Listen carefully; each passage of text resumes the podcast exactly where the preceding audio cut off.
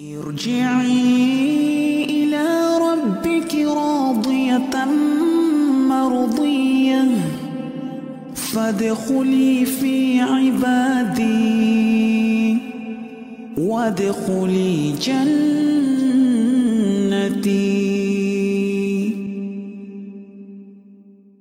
Mungkin untuk uh, menyingkat waktu, kami persilakan Ustadz waktunya. Bismillahirrahmanirrahim. Assalamualaikum warahmatullahi wabarakatuh.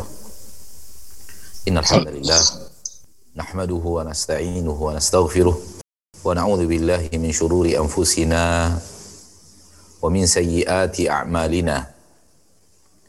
May yahdihillahu fala mudilla lahu ومن يضلل فلا هادي له أشهد أن لا إله إلا الله وحده لا شريك له وأشهد أن محمدا عبده ورسوله وصلى الله عليه وعلى آله وأصحابه ومن تبعهم بإحسان إلى يوم الدين وسلم تسليما كثيرا. يا أيها الذين آمنوا اتقوا الله حق تقاته ولا تموتن إلا وأنتم مسلمون. يا أيها الناس اتقوا ربكم الذي خلقكم من نفس واحدة وخلق منها زوجها وبث منهما رجالا كثيرا ونساء. واتقوا الله الذي تساءلون به والأرحام. إن الله كان عليكم رقيبا. يا أيها الذين آمنوا اتقوا الله وقولوا قولا سديدا. يصلح لكم أعمالكم ويغفر لكم ذنوبكم. ومن يطع الله ورسوله فقد فاز فوزا عظيما. أما بعد فإن أصدق الحديث كتاب الله وخير الهدي هدي محمد صلى الله عليه وسلم وشر الأمور محدثاتها فإن كل محدثة بدعة وكل بدعة ضلالة وكل ضلالة في النار Ma'asyarul muslimin, ma'asyarul muslimat, saudaraku, saudariku, dimanapun sekarang antum berada, rahimani wa rahimakumullah. Pertama-tama sekali mari kita bersyukur kepada Allah subhanahu wa ta'ala, Rabbul Izzati wal Jalalah, yang telah memberikan kepada kita curahan rahmat dan nikmat yang tiada tara. Di mana karena dengan menggunakan curahan rahmat dan nikmat karunia Allah taala tersebutlah kita akhirnya bisa menjalani kehidupan kita dan melalui kehidupan kita dengan penuh nyaman karena Allah tabaraka wa taala mencurahkan kepada kita nikmat-nikmat yang sangat teramat banyak satu saja ia cabut nikmatnya pasti tidak akan senyaman yang sekarang kita menjalani kehidupan kita. Ambil contoh, sekiranya Allah mencabut nikmat. ارجعي إلى ربك راضية مرضية فادخلي في عبادي وادخلي جنتي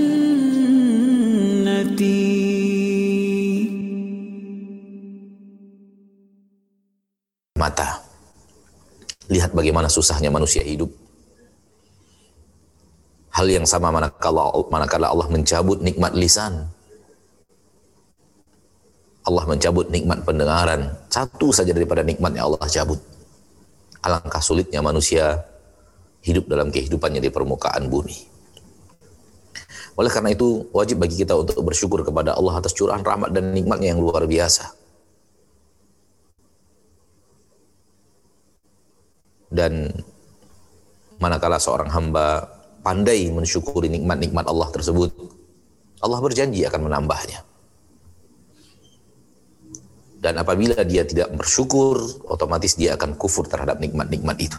Karena jalan bagi manusia hanya dua, bersyukur atau kufur. Allah berfirman, La in syakartum la azidannakum wa la in kafartum inna adabi lasyadid. Kalau kalian bersyukur, aku akan tambahkan nikmat-nikmatku kepada kalian. Namun kalau kalian kufur, lihat kalau tidak bersyukur, kufur. inna adabi lasyadid. Sesungguhnya adabku sangatlah dahsyat.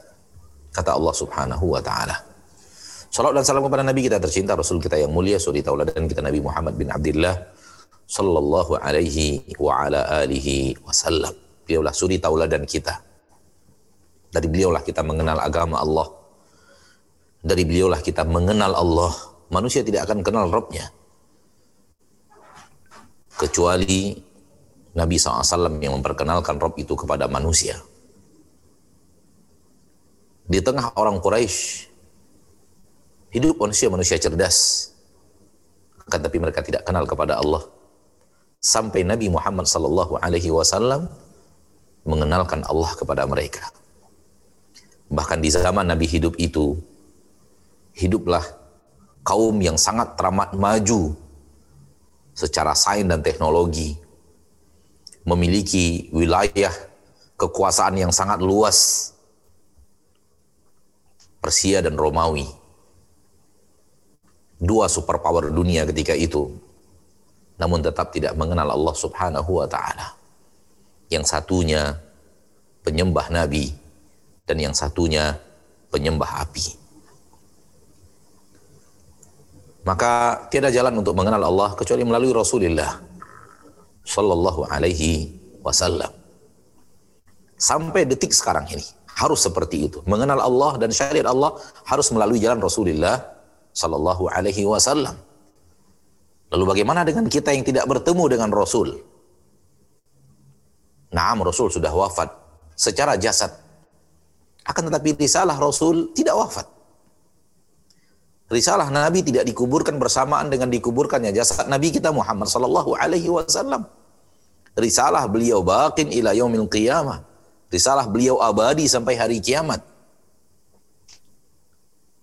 Dan Allah tabaraka wa ta'ala tetap menghidupkan risalah itu. Sehingga walaupun kita tidak bisa bertemu dengan Nabi kita secara jasad, namun kita bisa bertemu risalah beliau. Kita bisa menemukan risalah beliau sallallahu alaihi wasallam melalui orang-orang yang mempelajarinya. Tentu kita tidak bisa kecuali melalui orang-orang yang telah mempelajarinya, para ulama, para ahli ilmu, para ustadz, para mubalik yang mempelajari risalah Nabi dan menyampaikannya kepada kita. Oleh karena itu, camkan saudaraku, saudariku muslimin dan muslimat rahimani rahimakumullah. Kalau bukan dari Nabi jangan terima. Siapa pun dia. Apa pun pangkat dan jabatannya. Sebanyak apa pun titel dan gelarnya di balik namanya, setelah namanya apa pun manusia menyanjungnya. Namun ketika dia menyampaikan itu bukan dari Nabi, jangan terima. Agama syariat. Agama syariat, syariat agama Islam. Itu hanya pendapat dia, perkataan dia. Menurut dia. Namun tidak sama dengan apa yang di yang yang yang, yang kita ketahui dari Nabi, campakkan.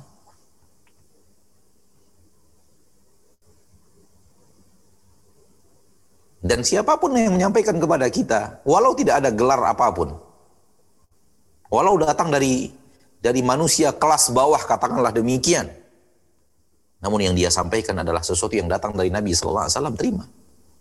Ini yang dikatakan oleh orang Arab, unzur ma qala, wala tanzur man qala. Lihat apa yang ia ucapkan. Jangan lihat siapa yang mengucapkan. Kalau dia bawa sesuatu dari Al-Quran, dengan pemahaman yang benar. Dia bawakan dari hadis Nabi dengan pemahaman yang benar. Terima. Wallahu taala a'la wa alam bisawab. Ma'asyiral muslimin, ma'asyiral muslimat. Saudaraku, saudariku rahimani wa rahimakumullah. Kehidupan dunia ini mempesona dan penuh dengan tipuan dan Allah takdirkan kita hidup di dalamnya.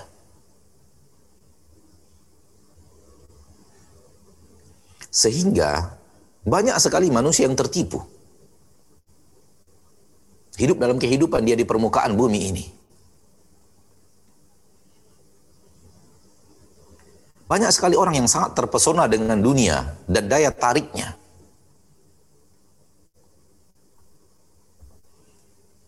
Itu yang Allah katakan di dalam Al-Quran kepada kita.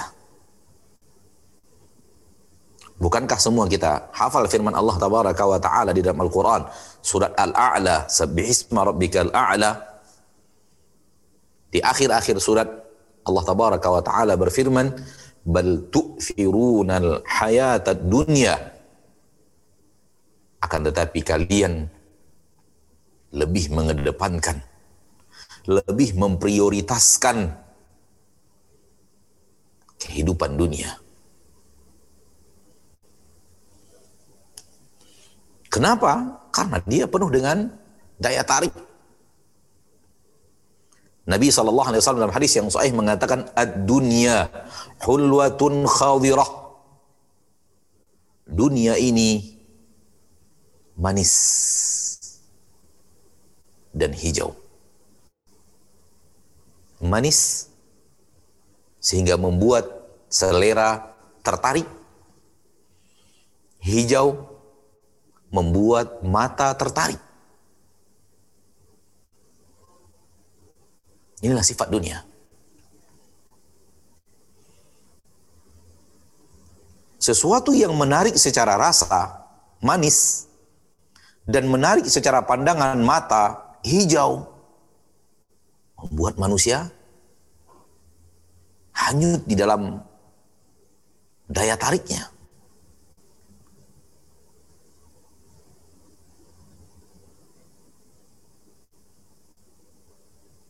Sehingga terjadilah apa yang Allah katakan.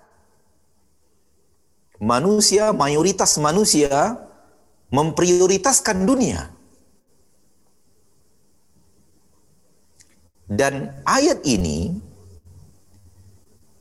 datang dalam redaksi celaan terhadap sifat manusia itu. Allah mencela sifat kita yang memprioritaskan dunia.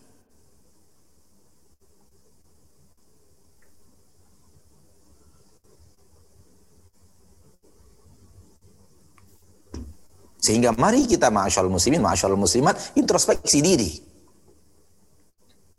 Masing-masing kita tanpa terkecuali, apakah saya termasuk orang yang Allah cela di dalam ayat ini? Hanya kita yang bisa jawab. Hanya kita yang bisa jawab. Karena hanya kita yang tahu amalan kita.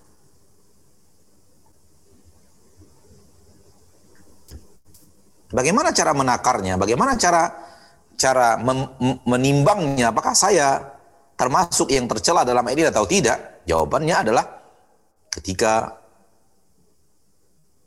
ada suguhan dunia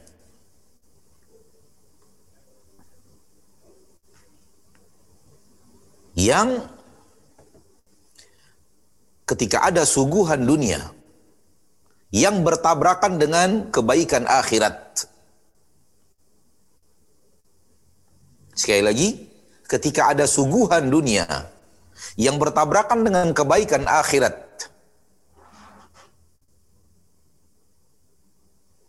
lalu kita terima suguhan dunia itu. Dan kita kesampingkan pengetahuan kita, ilmu kita, hujah yang sudah sampai kepada kita, bahwa ini bertabrakan dengan kebaikan akhirat.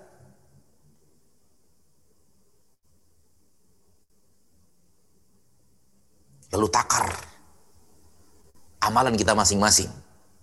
Hisab diri kita masing-masing. Seberapa banyak suguhan-suguhan seperti itu yang kita terima dibanding yang kita tolak.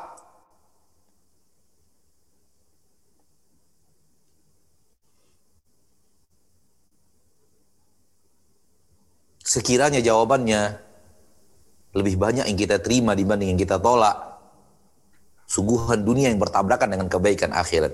Faham antum apa yang anda maksud?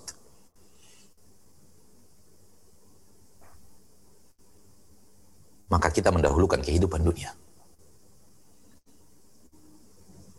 Namun apabila kita lebih banyak menolaknya, kita tidak mau menerima dunia yang bertabrakan dengan kebaikan akhirat, maka kita tidak termasuk ke dalam celaan sifat yang ada di dalam ayat tersebut.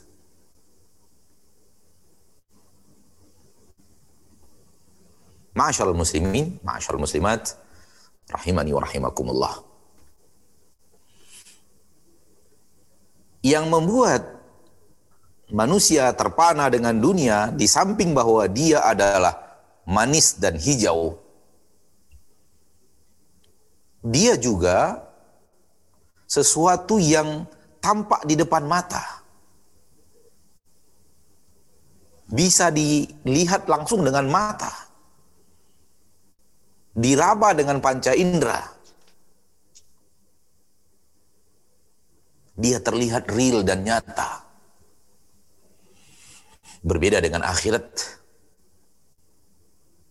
Mata siapa yang pernah bertemu dengannya? Yang pernah melihatnya? Belum ada. Akhirat belum ada yang bertemu dengan akhirat. Karena waktunya belum tiba. Yang ada hanyalah keterangan dari Allah. Keterangan dari Rasulullah bahwa dia ada.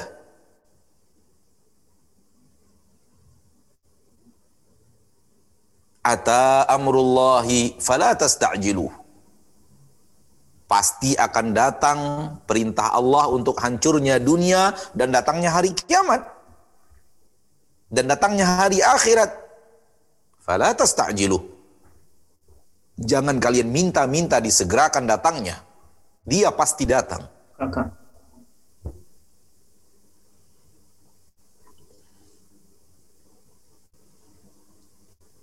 sehingga akhirat sifatnya tak bisa dilihat dengan mata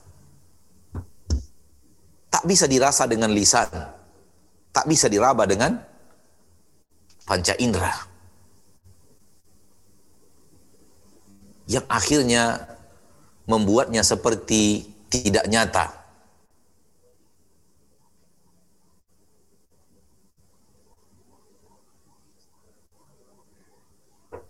Yang membuatnya seperti tidak nyata. Akhirnya manusia lebih mendahulukan dunia itu dibanding akhirat. Itulah yang terjadi. Padahal perintah Allah dan Rasulnya dahulukan akhirat dibanding dunia. Prioritaskan akhirat dibanding dunia. Prioritaskan perjalanan hidupmu, wahai muslim, setelah kematian lebih daripada engkau memprioritaskan hidupmu di saat ini, sekarang ini.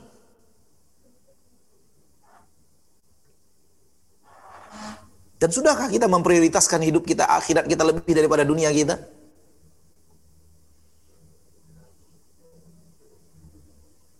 Hanya kita yang bisa menjawabnya.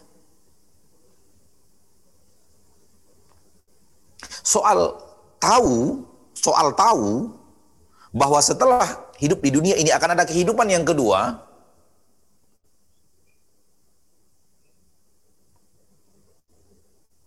Semua kita tahu. Karena kita tahu itulah maka kita berkumpul.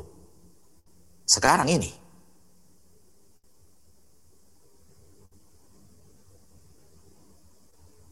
Dan kita sangat-sangat faham dan sangat-sangat mengerti. Ini kehidupan kita yang pertama akan berakhir dengan sebuah kematian. Setelah itu akan ada kehidupan kita yang kedua.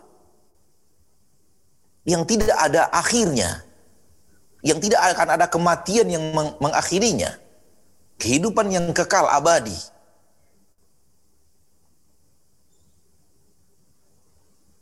Seberapa serius kita mengurus dunia kita dan seberapa serius kita mengurus perjalanan setelah kematian itu.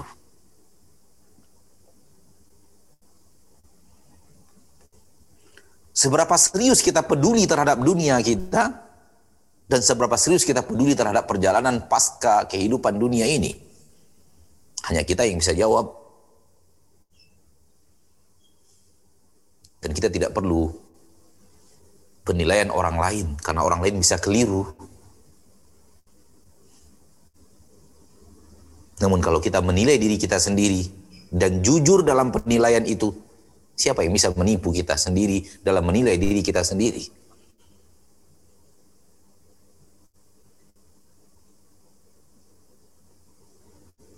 Ini yang sering saya katakan. Dan berulang-ulang saya katakan. Dan akan saya ulang-ulang mengatakan. Mengingatkan diri sendiri. Yang butuh untuk ditadkir mengingatkan saudara saya, saudari saya kaum muslimin dan muslimat yang juga membutuhkan tazkir wa dzakir fa inna dzikra tanfa'ul mu'minin. Berikan tazkir, peringatan karena tazkir itu bermanfaat untuk orang-orang yang di dalam hatinya ada iman.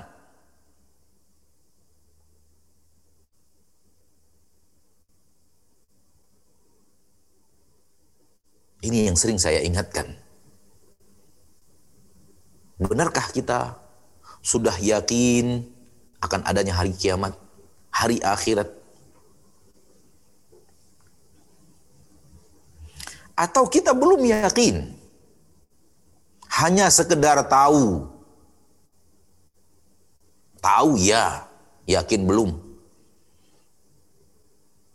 Dan bedakan antara yakin dan tahu. Kalau yakin, hanya serumus hanya sebatas rumus dan teori. Kalau tahu hanya sekedar rumus dan teori. Secara rumus kita tahu. Rumusnya setelah meninggal dunia, masuk alam barzakh, ada adab kubur, ada ni atau nikmat kubur. Kemudian setelah itu ada hari berbangkit, ada yaumul mahsyar, ada yaumul hisab, ada hari qisas saling qisas di alam barzakh, di di alam mahsyar ada timbangan, ada uh, pembagian kitab, ada menghadap Allah satu persatu, mempertanggungjawabkan kehidupan. Kemudian ada haud telaga Nabi Shallallahu Alaihi Wasallam. Kemudian ada perjalanan di atas sirat, sebuah jembatan di atas neraka jahanam menuju surga. Sekedar tahu ini rumusnya kita tahu teori. Tapi teori tinggallah teori. Manakala sekedar tahu. Namun kalau yakin, berbeda dengan sekedar tahu. Kalau yakin, kalau boleh memberikan sebuah sebuah uh, permisalan, ya, Lihatlah manusia-manusia yang sekarang ini yang benar-benar yakin bahwa virus corona ada.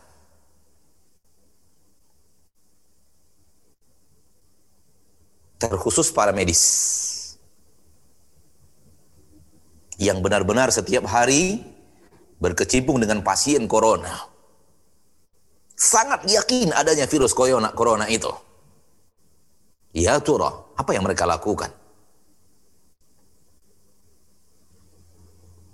Mereka membentengi diri mereka serapat-rapatnya.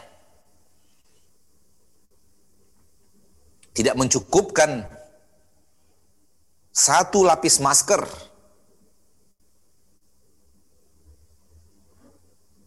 Tidak henti-hentinya. Membersihkan diri. Baik mencuci tangan, mandi, tidak henti-hentinya menjaga imun tubuh. Agar jangan drop bertahan penuh dengan kehati-hatian. Ketika bertemu dengan orang yang sedang sakit di rumah sakit. Sangat menjaga jarak dari pasien yang terjangkit. Kenapa demikian? Karena sangat yakin. Adanya wabah yang melanda. Dan dia wabah yang menular. Dan sangat cepat menularnya menurut akidah kita karena Allah. Karena tidak ada yang menular dengan sendirinya. Nabi SAW mengatakan, La adwa wa la tirata. Tak ada wabah yang menular. Tak ada wabah yang terbang-terbang, nggak ada Maksudnya adalah mewabah pindah sendiri dari satu orang ke orang dan nggak ada. Maksudnya yang ada adalah Allah yang mengaturnya. Kembali kita kepada orang yang sangat yakin akan adanya yang tadi. Terlihat dirinya ia bentengi. Terlihat dia melakukan aksi yang berlapis dibanding orang-orang lain. Dibanding saya, dibanding Anda mungkin saudara-saudariku yang sekarang menyaksikan acara ini.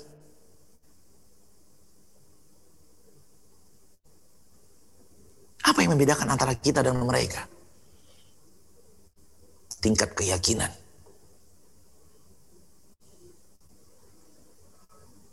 Hal yang sama. Kalau Anda sudah yakin tentang adanya bahaya besar bisa menantimu setelah Anda wafat.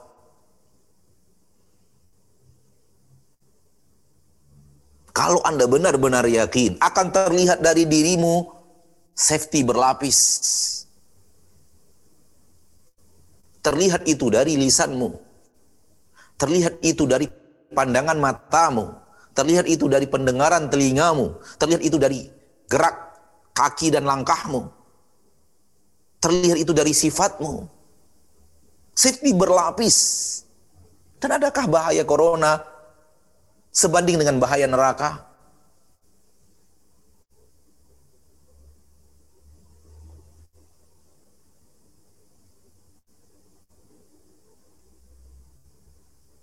Bercerita tentang perjalanan setelah kematian tidak ada gunanya kalau bukan untuk menata menata amalan, menata perbuatan, memperbaiki kelakuan, membenahi tindakan sebelum datangnya perjalanan yang pasti itu.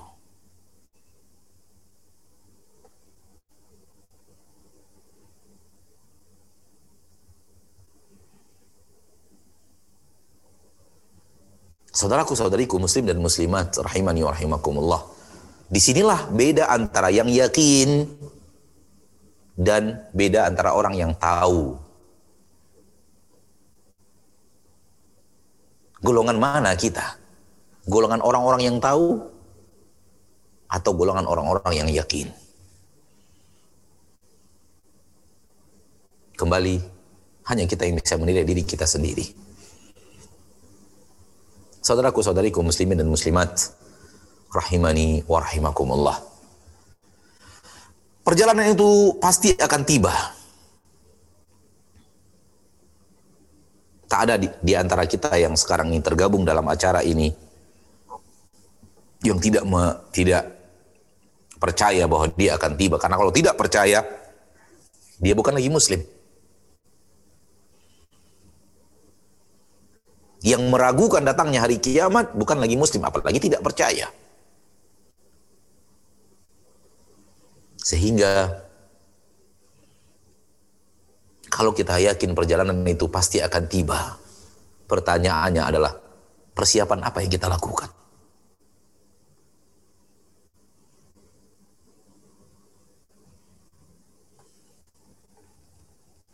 Nabi kita Shallallahu Alaihi Wasallam bercerita di dalam hadis yang sangat menyampaikan menyampaikan di dalam hadis yang sangat panjang perjalanan ruh setelah kematian. Dan yang pertama sekali beliau bercerita tentang ruhnya orang mukmin.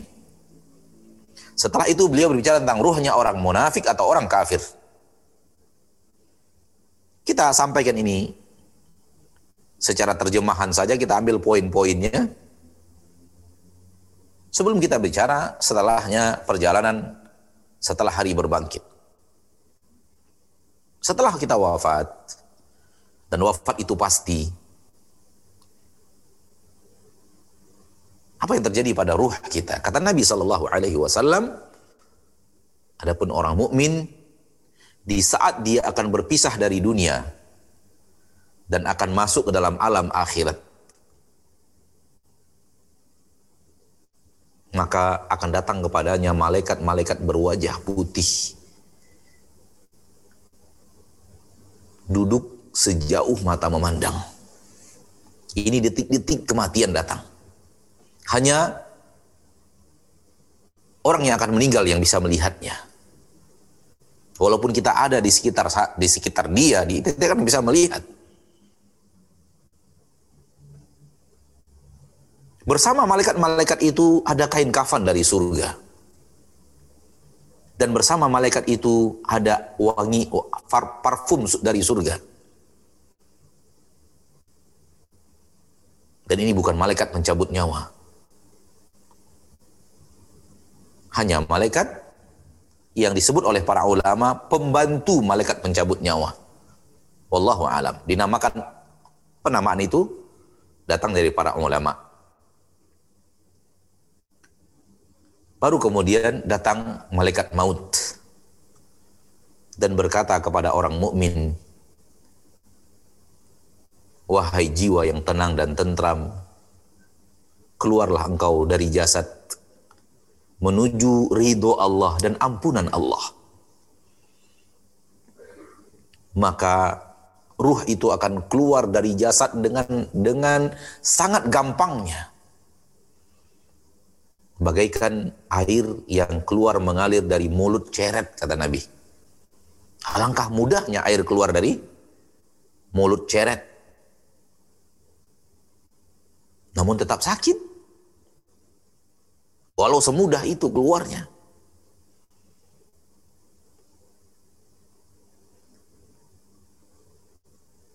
Kemudian setelah dicabut nyawa oleh malaikat maut, langsung diambil oleh malaikat-malaikat yang tadi.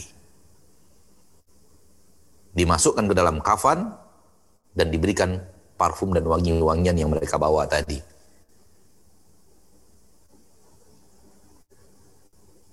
Adapun orang munafik atau orang kafir, pertama yang datang malaikat-malaikat hitam.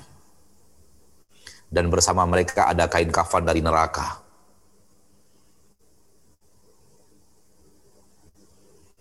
Duduk sejauh mata memandang, malaikat berwajah hitam. Dan kemudian datang malaikat maut. Dan berkata, wahai ruh yang yang kotor, ruh yang keji, jiwa yang kotor dan keji, keluarlah engkau menuju murka Robmu. Maka ruh itu enggan untuk keluar. Sehingga dicabut paksa oleh malaikat. Yang mengalir bagaikan air saja sakit, apalagi yang dipaksa keluar. Kemudian diletakkan di dalam setelah setelah dicabut keluar oleh paksa oleh malaikat maut, diambil oleh malaikat-malaikat berwajah hitam dan dimasukkan ke dalam kain kafan. Kembali kepada roh orang mukmin dibawa naik ke atas. Setiap melewati malaikat-malaikat yang sedang berada di atas, malaikat itu bertanya, "Ruh siapa yang wangi ini?" Maka disebutkan ruh fulan, anak daripada fulan dengan nama terbaik yang pernah ia beri nama itu kepadanya atau diberi nama itu kepadanya di permukaan bumi. Seperti itu terus sampai langit yang pertama. Begitu sampai kepada langit yang pertama, minta dibukakan pintu, lalu kemudian dibukakan pintu langit. Langit punya pintu-pintu dan punya malaikat-malaikat penjaga pintunya untuk membukakan dan menutup sesuai dengan perintah Allah tabaraka wa taala kemudian dibawa sampai ke langit yang pertama, ke langit yang kedua, ke langit yang ketiga, dan pada setiap perjalanan langit itu diiringi jenazahnya oleh para malaikat.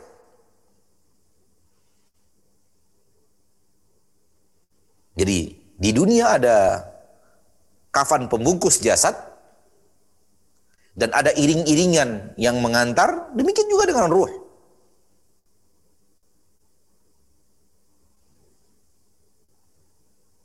Sampai ke langit yang ketujuh kata Nabi SAW. Kemudian di langit yang ketujuh Allah wa Ta'ala mengatakan bahwa hambaku telah membenarkan membenarkan dan mengikuti maka kembalikanlah dia ke dunia. Kembalikan dia ke dunia. Kembalikan dia ke ke dunia. Kembalikan dia ke dalam tanah.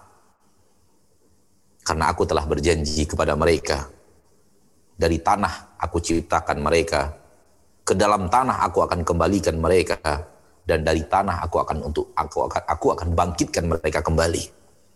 Maka kembali dibawa oleh malaikat turun ke bumi. Adapun orang munafik dan orang kafir begitu dibawa naik oleh para malaikat, malaikat-malaikat yang ada di atas di, di angkasa bertanya, "Roh siapa ini?" Yang sangat bau, yang sangat busuk. Dijawab, "Roh fulan, anak fulan." Dengan nama terburuk yang pernah dia miliki di permukaan bumi. Terus sampai ke langit pertama. Minta dibukakan pintu langit. Tidak ada izin untuk dibukakan pintu langit. Nabi SAW membaca firman Allah Tabaraka wa Ta'ala, La tufattahu lahum abwabus sama' wa la yadkhuluna al-jannata hatta yalijal jamalu fi samil khiyat. Tidak dibukakan untuk mereka orang-orang yang sombong, tidak mau beribadah kepada Allah. Tidak dibukakan untuk mereka pintu langit dan mereka tidak akan masuk surga sampai unta bisa masuk ke dalam lubang jarum. Ketika tidak dibukakan pintu, pintu langit tidak dibukakan untuk mereka, ruh tersebut dicampakkan begitu saja ke permukaan bumi. Tidak dibawa kembali sebagaimana dia pertama dibawa ke atas.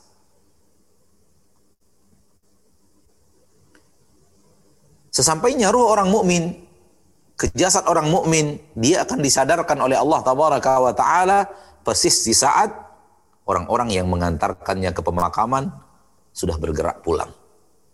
Ketika itulah dia mulai dihidupkan kembali. Jadi kematian kita hanya sesaat. Kematian kita saudaraku, saudariku, muslimin dan muslimat hanya sesaat. Di saat roh engkau dicabut, sampai detik-detik orang yang mengantarkan jenazahmu ke pemakaman meninggalkan pemakaman itu. Hanya itulah kematian. Setelahnya adalah kehidupan. Dan engkau akan dihidupkan lagi oleh Allah Subhanahu wa taala. Dan tidak ada keraguan di dalamnya.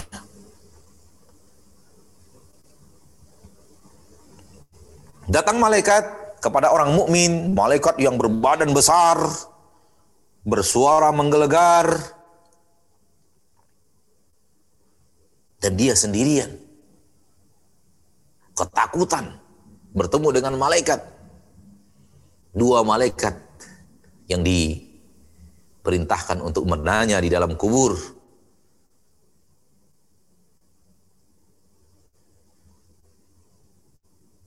Lalu bertanya kepadanya tiga pertanyaan. Kita tahu semua pertanyaan itu. Namun rasa takut membuat manusia merasakan takut yang luar biasa.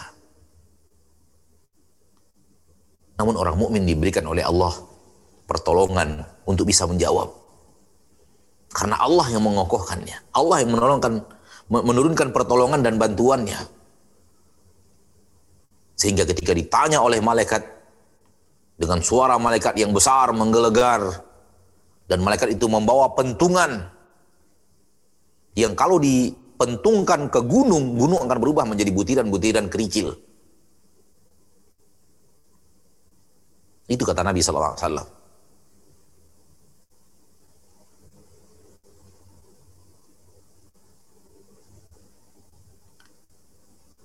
Ditanya, man rabbuk? Man nabiyuk? Ma dinuk?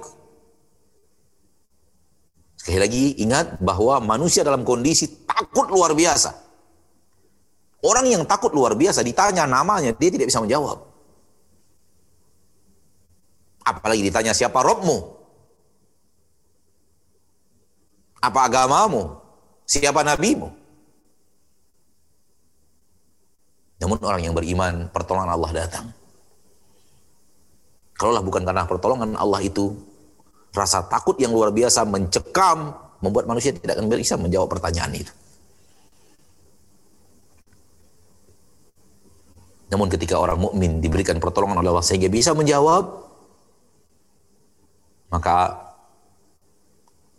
perintah Allah buatkan untuknya tempat tidur. Berikan untuknya tempat tidur dari surga. Lapangkan kuburnya dan bukakan pintu ke surga. Itulah yang akan terjadi. Semoga saya dan Anda mendapatkan kenikmatan itu. Amin ya rabbal alamin. Amin. Alas tidur pun didatangkan dari surga.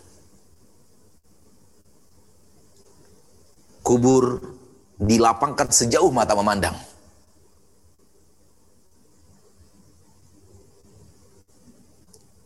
Pintu ke surga dibukakan dari kubur itu. Sehingga masuklah ke dalam kubur itu hawa surga. Dan masuk ke dalam kubur, ke dalam kubur itu aroma wangi surga.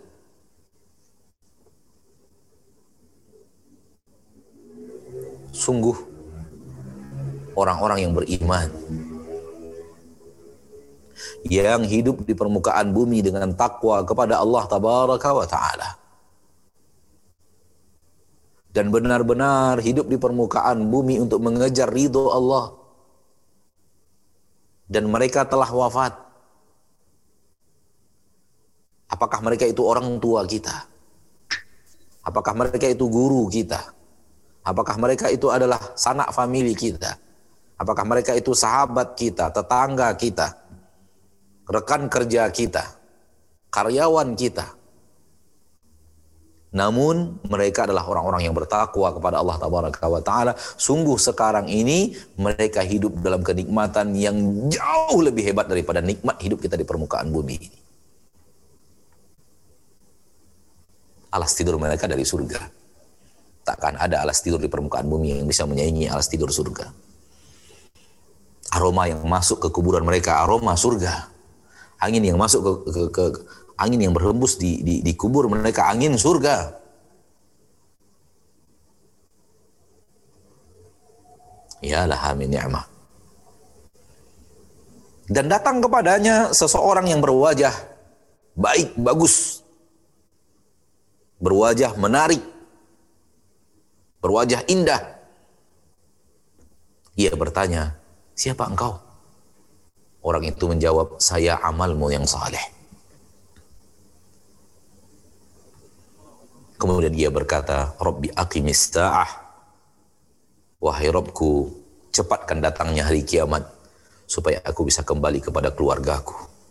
Aku bisa kembali bertemu dengan kekayaan dan hartaku. Adapun orang kafir atau munafik begitu datang malaikat dan dihidupkan. Dan datang malaikat bertanya kepadanya malaikat yang yang yang yang yang menyeramkan besar suara menggelegar dan bertanya man rabbuk? Dia penuh ketakutan. Dan pertolongan Allah tidak turun. Pertolongan Allah tidak turun. Allah berfirman di dalam Al-Quran, Yuthabbitullahu alladhina amanu bil qawli thabiti fil hayati dunya wa fil akhirah. Allah tabaraka wa ta'ala akan mengokohkan perkataan orang-orang yang beriman di dunia dan di akhirat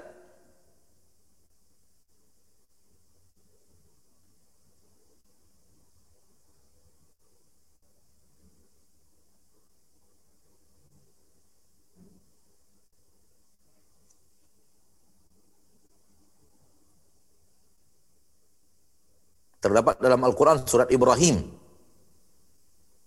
Ayat yang ke-27.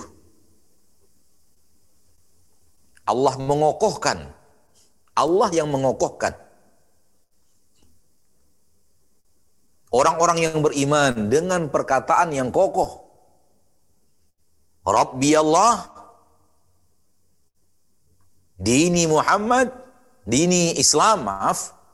Wa nabiyyi Muhammad raditu billahi rabba wa bil islami dina wa bi Muhammadin sallallahu alaihi wasallam nabiyya wa rasula. Kokoh perkataan orang yang beriman itu. Allah yang mengokohkannya. Allah katakan fid dunya fil hayati dunya wa fil akhirah. dalam kehidupan dunia dan kehidupan akhirat. Maksud kehidupan akhirat saat ditanya. Ketika Allah tidak mengokohkan, maka tidak bisa menjawab. Sehingga ketika ditanya, man rabbuk? Dia menjawab, saya tidak tahu. Man di man nabiyuk? Dia menjawab, saya tidak tahu. Madinuk? Dia menjawab, saya tidak tahu. Sudah saya katakan tadi, masyarakat muslimin, masyarakat muslimat, sudah anak katakan tadi, orang dalam keadaan super takut, ditanya namanya, dia tidak tahu. Padahal puluhan tahun dia menyebut namanya.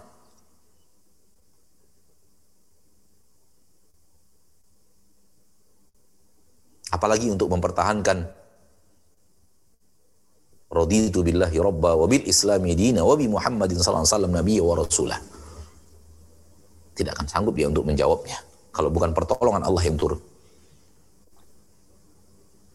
Rahmat Allah yang ia Allah berikan kepadanya. Maka ketika menjawab tidak tahu, Allah tabaraka wa ta'ala katakan, buatkan untuknya tempat tidur dari neraka. Dan bukakan kepadanya, untuknya ke alam kuburnya pintu dari neraka, ke neraka. Sehingga masuklah hawa-hawa panas neraka. Masuk racun-racun neraka, Neraka penuh dengan racun. Dan disempitkan kuburnya. Sehingga berantakan tulang belulangnya. Dan dia ditangi oleh seseorang yang berwajah buruk. Ketika dia bertanya, siapa engkau? Orang itu menjawab, saya amalmu yang buruk di dunia. Ma'asyal muslimin, ma'asyal muslimat. Ini terjadi kapan? Pasca kematian. Dan ini yang disebut dengan alam barzakh. Dan di dalam agama kita alam barzakh ini dianggap alam akhirat. Walau sebenarnya dia belum akhirat yang sebenarnya. Karena akhirat yang sebenarnya belum datang. Akhirat yang sebenarnya datang setelah hari kiamat terjadi. Bermula dari kita dibangkitkan dari dalam kubur. Itu di hari akhirat. Namun dalam bahasan akidah, alam barzakh dianggap alam akhirat. Dihitung dalam bahasan hari akhirat. Oleh karena itu dalam ayat tadi, wafil akhirah. Allah menguatkan perkataan orang yang beriman di dunia dan di akhirat. Karena dia sudah sifat akhirat yang dia miliki daripada dalam dalam masalah gaib, di dalam alam gaib yang kita tidak tahu. Dan dinamakan barzakh karena Barzakh secara bahasa Arab artinya pemisah. Barzakh secara bahasa Arab artinya pemisah. Dia memisahkan antara alam dunia dan alam akhirat. Orang yang sudah wafat telah meninggalkan alam dunia. Akhirat belum datang. Dia diletakkan di sebuah alam memisahkan antara dunia dan akhirat. Disebut dengan alam barzakh. Allah berfirman wa waraihim barzakhun ila yaum. Setelah kehidupan dunia, mereka akan masuk alam barzakh sampai mereka dibangkitkan. Mereka alamnya dalam barzakh sampai mereka dibangkitkan itu di alam akhirat ketika manusia dibangkitkan. Ini perjalanan ruh pasca kematian. Secara panjang lebar Nabi menyampaikannya kepada kita. Dan salah satu dari perjalanan itu akan kita rasakan.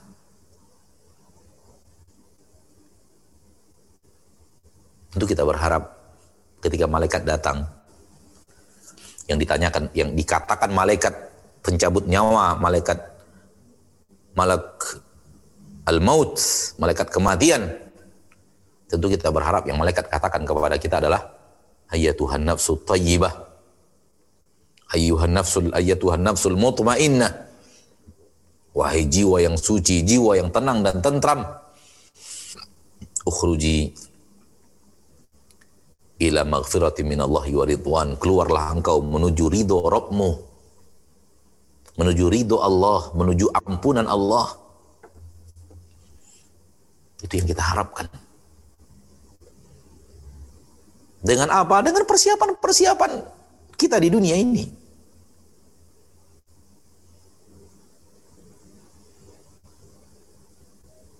Dan jangan menghayal mendapatkan itu kalau tidak memiliki persiapan. Kenapa Allah menurunkan pertolongannya dengan mengokohkan jawaban orang yang beriman? Karena memang dia di dunia berusaha mati-matian mempertahankan itu dengan amalnya. Orang yang benar-benar berpegang teguh raditu billahi rabba wa bil islami dina wa bi Muhammadin sallallahu alaihi wasallam nabiyya wa rasula ditawarkan uang haram dia tolak. Ditawarkan jabatan yang haram dia tolak. Ditawarkan makanan haram dia tolak. Ditawarkan pertemuan yang haram dia tolak. Ditawarkan rumah yang haram dia tolak. Padahal dia suka. Dia suka harta, dia suka rumah, dia suka kendaraan. Namun dengan cara mendapatkannya tidak tidak halal, tidak sesuai dengan yang Allah Taala dan Rasulullah SAW sampaikan. Tidak sesuai dengan izin syar'i, maka dia tolak. Walau hatinya mencintai angka miliaran itu. Siapa yang tidak mencintai harta? Ada kecintaan di dalam harta, dalam hati manusia terhadap harta. Namun ia tolak karena dia tahu ini membahayakan akhiratnya. Kalau dia memang benar-benar berpegang teguh raditu billahi rabba wa bil islami dina wa Muhammadin sallallahu alaihi wasallam nabi.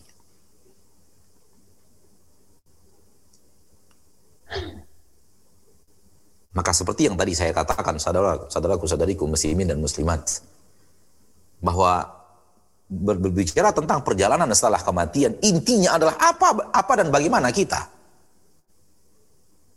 Seperti apa dan bagaimana kita dalam kehidupan kita di dunia ini.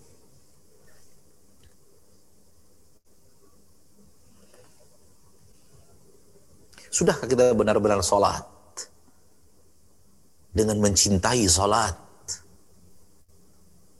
Dan berbuat yang terbaik di dalam sholat.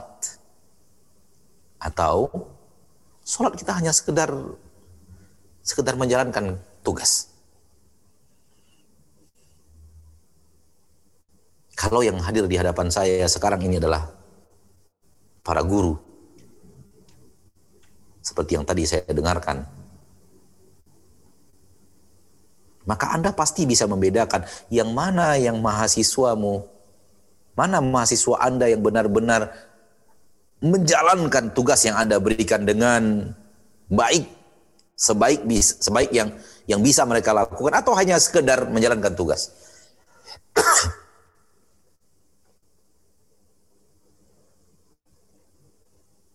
Mana mahasiswa yang hadir di di di di mata kuliah yang benar-benar semangat, benar-benar ingin mengerti, ingin faham, atau yang hanya sekedar menjalankan kewajiban hadir.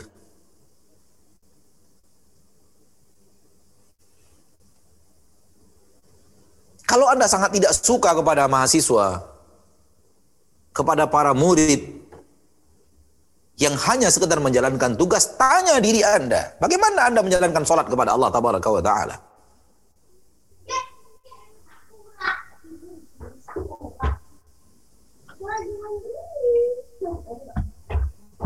Seperti itu.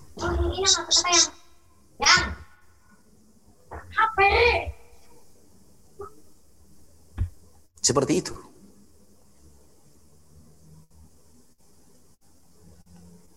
Dan tidak hanya sholat tentunya.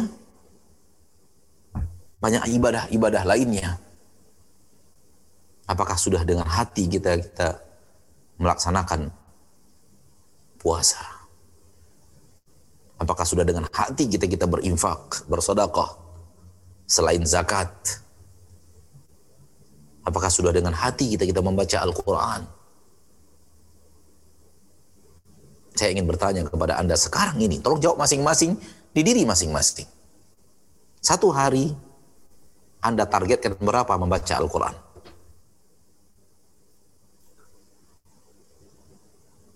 Apakah Anda punya target membaca Al-Quran satu hari berapa? Atau sekedar menjalankan tugas acuh tak acuh. Kadang ada, kadang tidak. Lagi mood-moodnya baca Quran. Kalau tidak, tinggalkan. Ternyata tidak moodnya lebih banyak daripada moodnya. Hendaknya kita punya target bacaan Al-Quran harian kita. Sebagaimana dulu generasi umat Islam punya target bacaan harian. Ini yang disebut oleh para ulama wirid harian. Wirid itu yang selalu datang, selalu datang, selalu datang, selalu datang. Hari ini ada, besok ada, besok ada, besok ada. Dari kata-kata waroda yaridu yang bermakna datang. Ada wirid harian, ada wirid mingguan, ada wirid bulanan.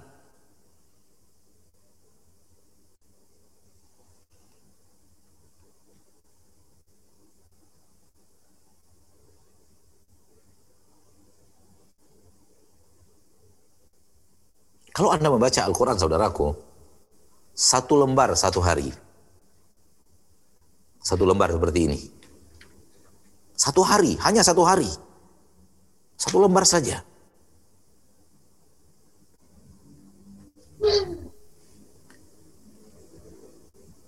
Maka dalam 300 hari Anda khatam Al-Quran. Belum habis satu tahun, Anda khatam Al-Quran. Kalau Anda punya target, satu lembar ini saja, satu hari. Membaca Al-Quran. Persiapan untuk kehidupan setelah kematian.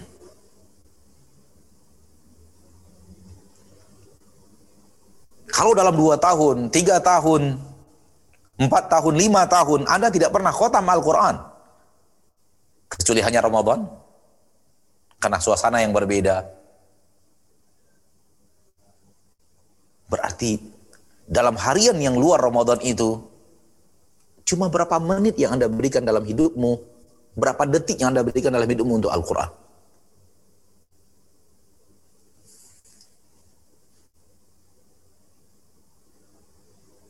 Mari kita introspeksi diri. Masyaallah muslimin, masyaallah muslimat rahimani wa rahimakumullah. Setelah selesai alam barzakh dan setelah hari kiamat Allah datangkan Sehingga terjadilah hari kiamat seperti yang Allah sampaikan kepada kita di dalam Al-Quran.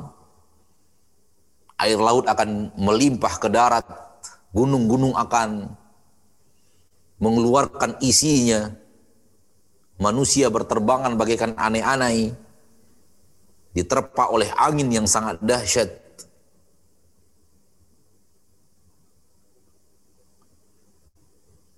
Hancurlah dunia beserta isinya dan semua yang hidup di permukaan bumi mati. dunia telah berakhir. Mungkin, mungkin, wallahu alam. Kita tidak akan bertemu dengan hari kiamat itu. Mungkin, saya hanya mengatakan mungkin. Karena kita tidak pernah tahu kapan kiamat itu akan terjadi. Namun selagi masih ada orang yang sholat, mengucapkan la ilaha illallah, kiamat belum akan terjadi. Dan sampai saat ini masih terlalu banyak orang yang sholat dan mengucapkan la ilaha illallah.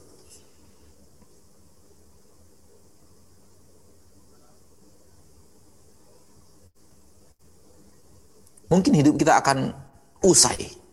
Jatah dunia akan jatah dunia kita akan usai sebelum sebelum kiamat itu tiba. Terkhusus bagi Anda, saudaraku, saudariku yang pada hari ini sudah berumur 50 tahun. 55 tahun. Saya katakan kepada Anda, saudaraku, saudariku, tanpa mengurangi rasa hormat. Karena Anda jauh lebih tua daripada saya Kenapa lagi terlalu fokus kepada dunia? Bukankah usia yang telah berlalu jauh lebih banyak daripada usia yang tersisa? Bukankah kesempatan untuk mengejar bekal-bekal akhirat tinggal sedikit?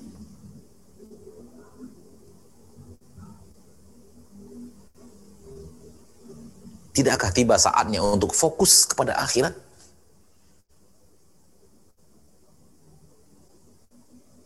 Kalau ataupun akan mengejar karir,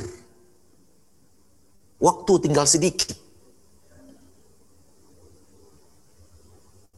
Kalau untuk mengejar penghargaan demi penghargaan, itu hanya tinggal di dunia, tidak akan dibawa ke alam barzakh apalagi ke akhirat. Untuk apa lagi mengejar sesuatu yang akan pasti Anda tinggalkan? Sekedar dapat, Alhamdulillah. Tapi mengejar, mengejar, mengejarnya sehingga hilang fokus akhirat. Ini yang jadi titik bahasan kita sekarang ini. Ini yang menjadi titik titik yang ingin saya ingatkan. Karena tidak tertutup kemungkinan masih adanya semangat dunia yang tidak pernah tua di dalam diri kita. Yang tua itu jasad kita. Semangat mengejar dunia tidak pernah tua. Sehingga semangat kita bisa mengalahkan anak-anak muda. Sudahlah. Berhentilah mengejar dan mengejar dunia yang sebentar lagi akan kita tinggalkan. Kata Nabi SAW, umur umatku antara 60 sampai 70. Sekarang usia kita sudah 50 tahun, tinggal 10. Mencapai 60 tahun. Kalau 55, 5 tahun lagi sampai umur 60. Kalau sudah usia 60, sudah lampu kuning siap-siap untuk meninggalkan dunia. Karena umur umatku antara 60 sampai 70 kata Nabi, mayoritas. Sudahlah, terlalu lama kita mengejar dunia. Dari SD, SMP, SMA, kuliah, S2, S3, mengejar gelar. Sekarang saatnya mengejar dan mengejar apa yang akan kita bawa untuk akhirat kita. Tugas sebagai guru besar, tugas sebagai dosen, tugas laksanakan. Tapi bukan dalam dalam dalam dalam dalam posisi mengejar. Karena yang akan kita kejar adalah membaca Al-Qur'annya, berpuasanya, berinfak dan bersodakohnya, mengingatkan orang-orang yang salah, jujur di dalam menjalankan segala-galanya, menonton hal-hal yang sangat bermanfaat untuk akhirat. Wallahu taala alam. Kembali kepada yang tadi, setelah alam barzakh selesai, bagi orang yang masuk alam barzakh, tiba saatnya di mana dia akan keluar dari alam barzakh itu. hanya keluar, bukan hidup. Hanya keluar dan bukan hidup. Fahami apa yang saya maksud?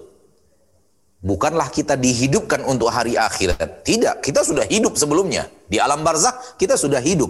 Kematian kita hanya singkat. Maka ke hari akhir hanya muncul. Muncul dari alam barzak, alam kubur, muncul ke permukaan bumi lagi. Ke permukaan hari akhirat lagi.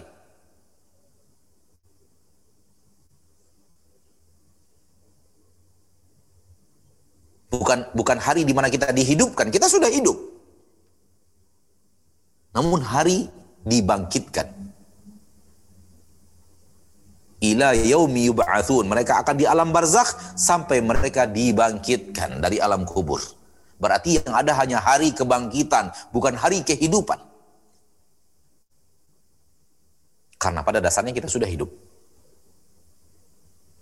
Dan hari di mana kita mulai dibangkitkan itulah hari akhirat yang sebenarnya. Dan hari itulah hari yang tidak mengenal batas akhir. Hidup kita di sana akan selama-lamanya. Selama-lamanya. Selama-lamanya. Kalimat selama-lamanya ini harus selalu kita hadirkan agar kita membuat persiapan. Agar kita membuat persiapan. Karena kita akan selama-lamanya di sana.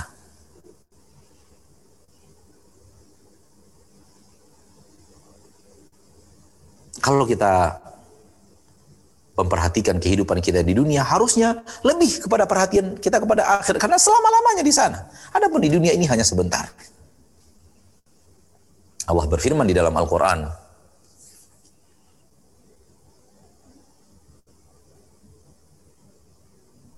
Ketika manusia bertemu dengan hari akhirat ka'annahum yauma yarawnaha di saat mereka melihat hari akhirat itu bertemu dengan hari akhirat itu ka'annahum seolah-olah mereka lam yalbathu tidak pernah tinggal di bumi tidak pernah tinggal di dunia illa ashiyatan au duhaha di akhir daripada surat An-Nazi'at.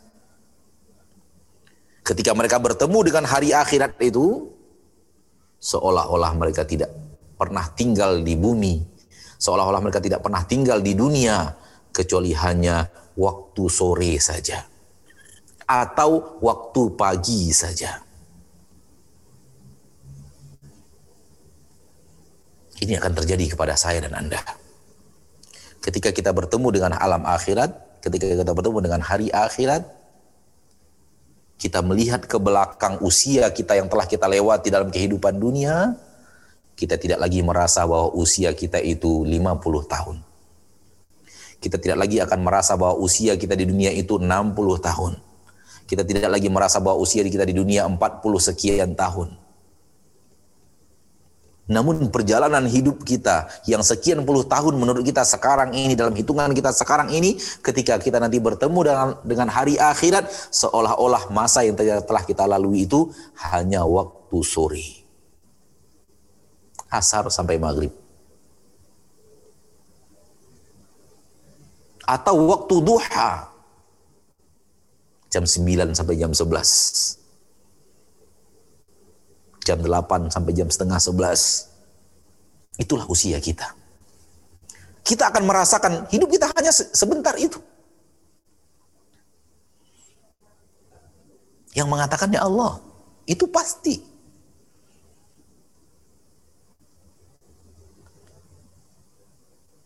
Sekali lagi, apakah kita akan akan terlalu fokus kepada usia kita yang hanya waktu sore dan melalaikan perjalanan panjang ini? Apakah kita akan fokus lebih kepada waktu kita yang hanya hidup kita hanya di waktu pagi, waktu duha, meninggalkan kehidupan yang serba yang yang yang yang, yang kekal abadi ini, yang mana yang akan kita bangun prioritas kita? Ke mana perhatian kita lebih kita fokuskan? Oleh karena itu kata Nabi SAW dalam sebuah hadis yang para ulama berbeda pendapat akan hasan atau dhaifnya. Sebagian mengatakan dhaif, sebagian mengatakan hasan. Kata Nabi SAW yang cerdas itu, manusia cerdas itu adalah manusia yang patuh dan taat dan selalu membuat persiapan untuk apa yang terjadi setelah kematian. Itulah orang yang cerdas. Ma'asyarul muslimin, ma'asyarul muslimat, tidak terasa satu jam lebih kurang kita menyampaikan dan kita belum sempat untuk melanjutkan perjalanan pasca kematian soal yang apa yang terjadi di alam akhirat. Karena pada dasarnya saya yakin dan percaya kita semua tahu. Kita semua telah disampaikan kepada kita dan berulang-ulang sudah bahwa ada ini, ada itu, ada ini, ada itu di akhirat kelak. Mungkin eh, sampai di sini dulu secara materi. Sekali lagi yang terpenting adalah tergerak hati kita untuk melakukan persiapan untuk hari yang sangat teramat panjang itu. Kita kembalikan kepada akhuna host Falitafadhal Mashkura. Terima kasih Ustaz atas ceramahnya yang cukup menyentuh dan bagi anak sendiri ini sesuatu yang menakutkan Ustaz. Karena anak sendiri nggak tahu nih golongan yang yakin akan akhirat atau hanya sekedar tahu akan akhirat. Mudah-mudahan yang ada di sini adalah orang-orang yang yakin akan akhirat. Amin. Ustaz. Amin. Amin. Uh, Ustaz, dilanjut pertanyaan aja Ustaz. Boleh. Nah. Pertanyaan pertama, uh, Bismillahirrahmanirrahim. Ini ada pertanyaan Ustaz. Setelah tahu perjalanan manusia di dunia di dunia berlanjut ke akhirat, timbul perasaan dengan perasaan. Kalau saja diri tidak diciptakan Allah, tentu tidak akan cemas menghadapi akhirat dengan nerakanya. Apakah perasaan begini berdosa atau salah? Mohon pencerahannya Ustaz. Baik. Uh, menurut saya, kalau terima, ambil. Kalau tidak terima, campakkan. Menurut saya, menghabiskan waktu untuk memikirkan hal yang mustahil, tak ada gunanya.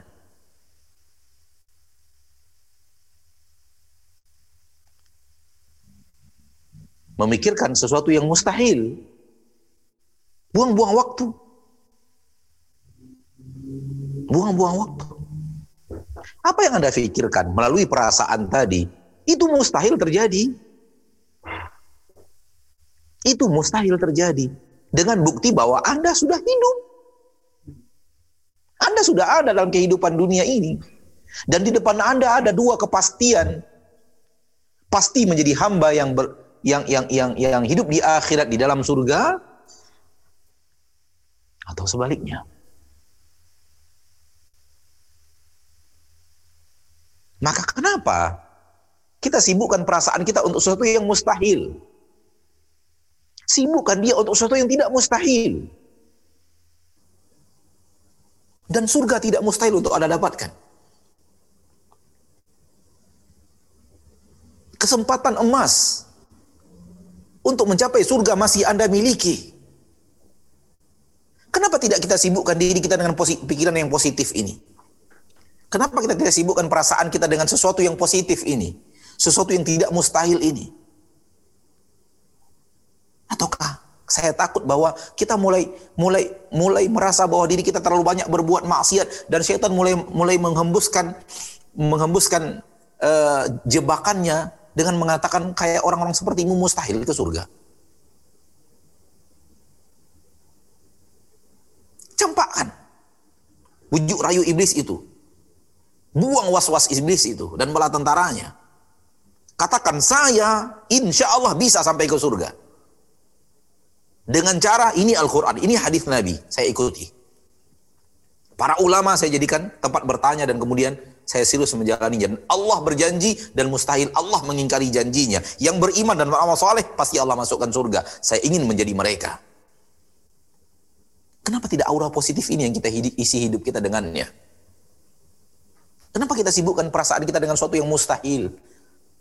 Andai saya, andai saya. Untuk hal yang telah berlalu andai saya tidak hidup, andai saya adalah burung, andai saya adalah kecoa, andai saya ya akhi Anda manusia. Anda sudah hadir di kehidupan ini. Untuk apa lagi mengandai-andai yang aneh-aneh? Berbeda andai-andainya para orang soleh. Berbeda andai-andainya orang yang yang mulia seperti Umar bin Khattab Beliau ketika berandai-andai, berandai-andai untuk akhirat. Bukan berandai-andai untuk masa lalu. Masa lalu sudah terjadi. Dia mustahil dibalikkan. Dan untuk mencapai surga, seburuk apa pun Anda di masa lalu Anda, Allah tidak akan anggap itu adalah keburukan. Kalau Anda bertaubat. At-taubatu tajubu ma Al-Islamu yajubu ma qablahu wa taubatu tajubu ma qablah kata Nabi SAW. Islam itu menghanguskan semua yang ada sebelum Islam. Dan taubat menghanguskan semua yang ada sebelum taubat. Saya khawatir hembusan iblis itu merasupi dada kita sehingga kita dibuat sedih atas masa lalu kita Sifat orang yang beriman, la khaufun alaihim wa la hum yahzanun. Bukankah berulang-ulang kita membacanya di dalam Al-Quran? Sifat orang yang beriman, kata Allah, tidak takut dan tidak sedih. Kata para ulama, tidak takut berhadapan apa, tidak takut dan tidak gentar untuk menghadapi apa yang akan terjadi di masa yang akan datang dalam kehidupan dunia ini. Dan tidak sedih, tidak sedih atas cerita masa lalunya dan kekeliruan masa lalunya, kesalahan masa lalunya.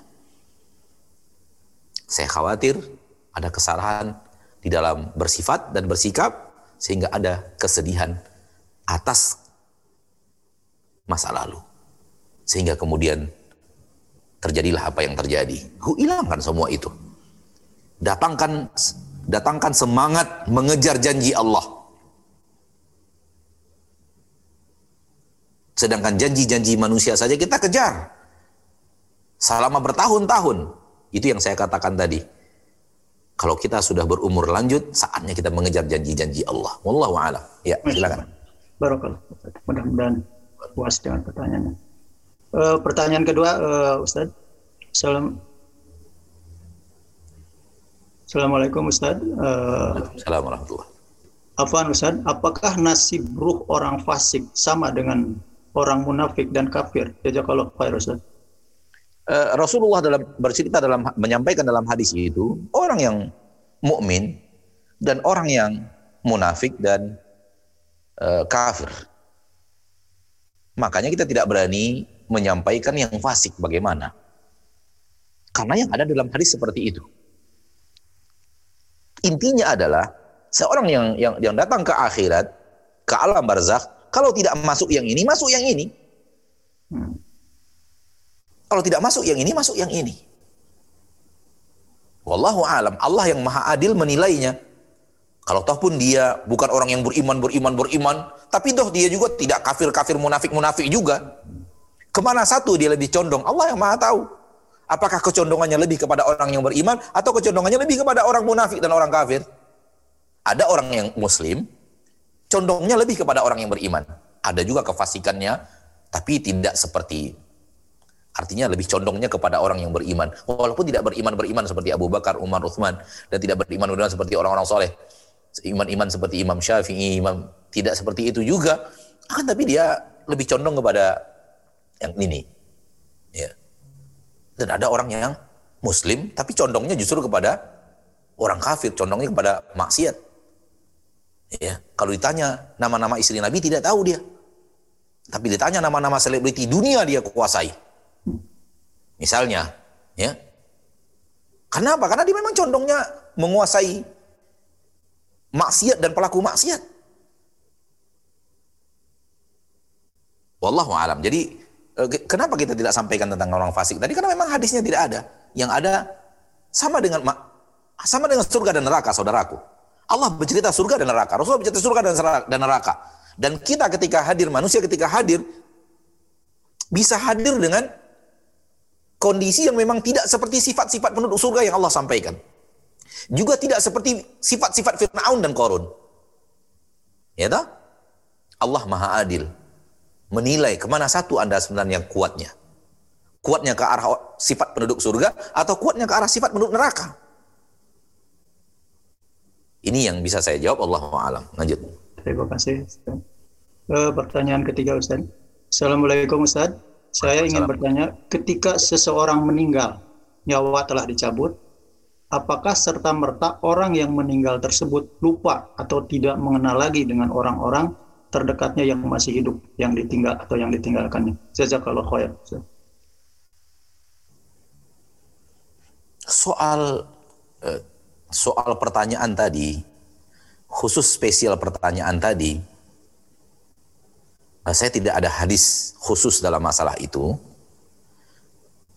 Tapi e, kalau kita kembali kepada hadis yang tadi, setelah semuanya selesai, dibuatkan untuknya alas tidur untuk orang yang beriman, e, dibuatkan untuknya, dibukakan pintu pintu ke arah surga, dia berkata kata Nabi, wahai Robku cepatkan datang hari berbangkit sehingga aku kembali kepada keluargaku.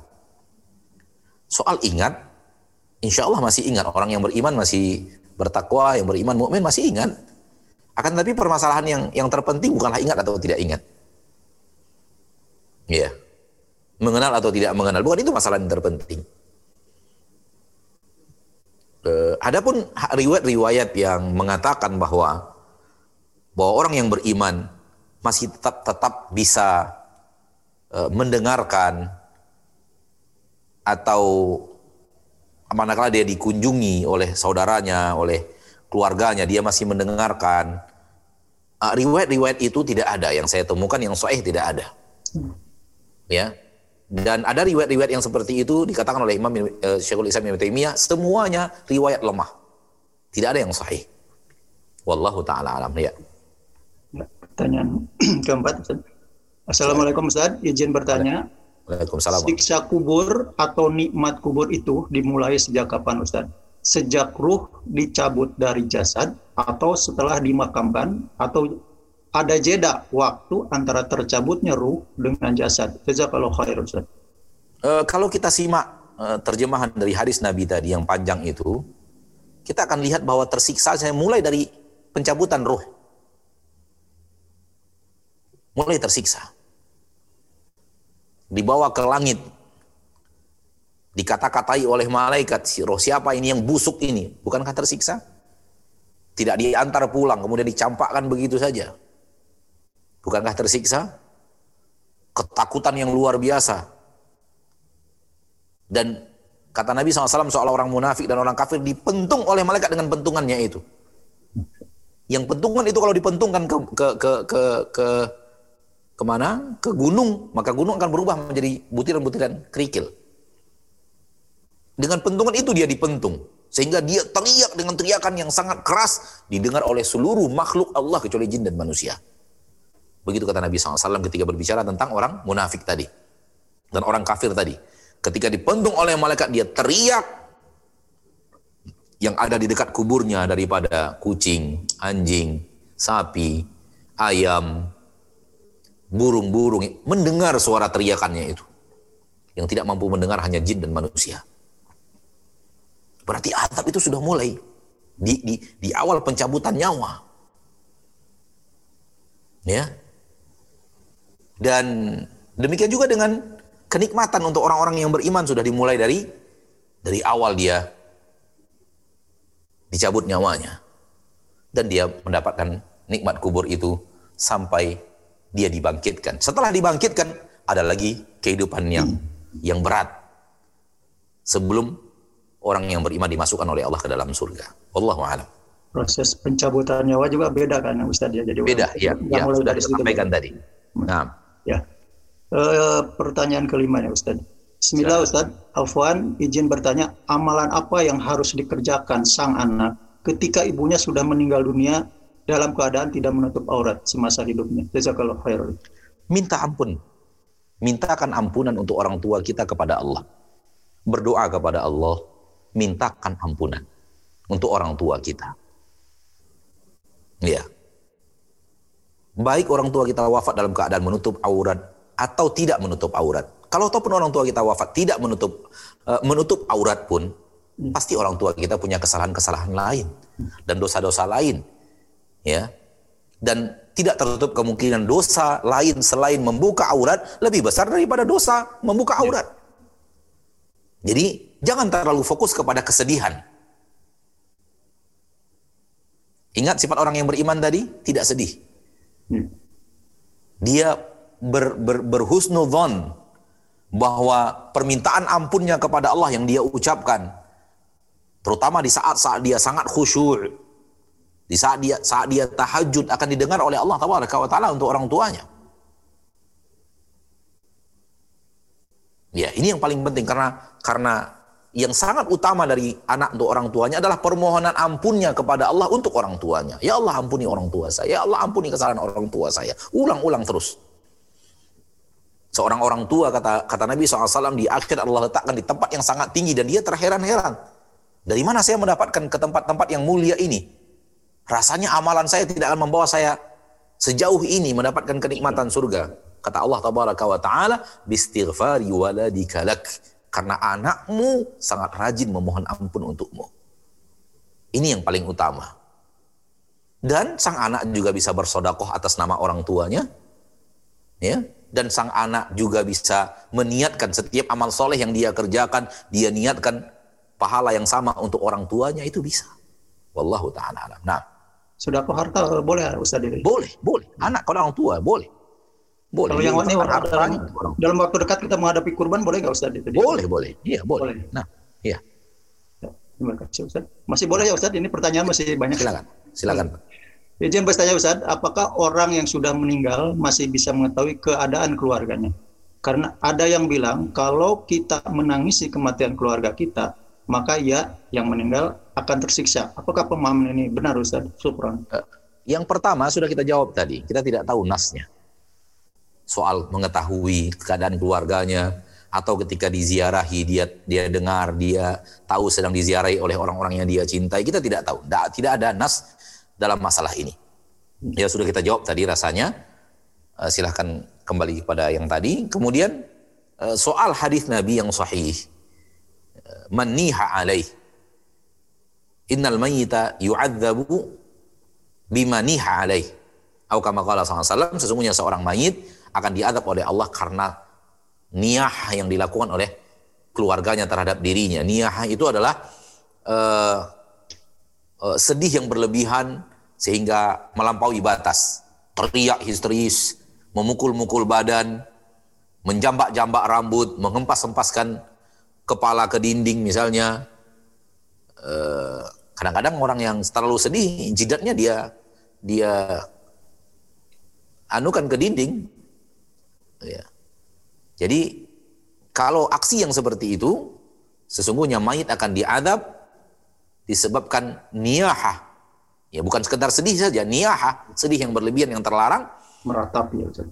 Iya meratap uh, keluarganya terhadap dirinya. Ini ada hadisnya dan hadisnya sahih. Namun para ulama mengatakan bahwa makna hadis ini adalah manakala si mayit tidak melarang keluarganya untuk berniahah kepada dirinya atau justru memerintahkan untuk itu. Ya, adapun apabila dia telah menjalankan kewajibannya, mendidik anaknya, melarang anak-anaknya untuk berniyahah, meratap eh, sedih yang berlebihan tadi, namun tetap anaknya melakukan hal itu, maka mayit tidak akan tidak akan diadab oleh Allah Subhanahu wa taala dan tidak akan uh, di, di, di, di, di, diberikan adab oleh Allah. Karena kelakuan anaknya yang dia telah larang dan dia telah didik anaknya untuk tidak melakukan itu.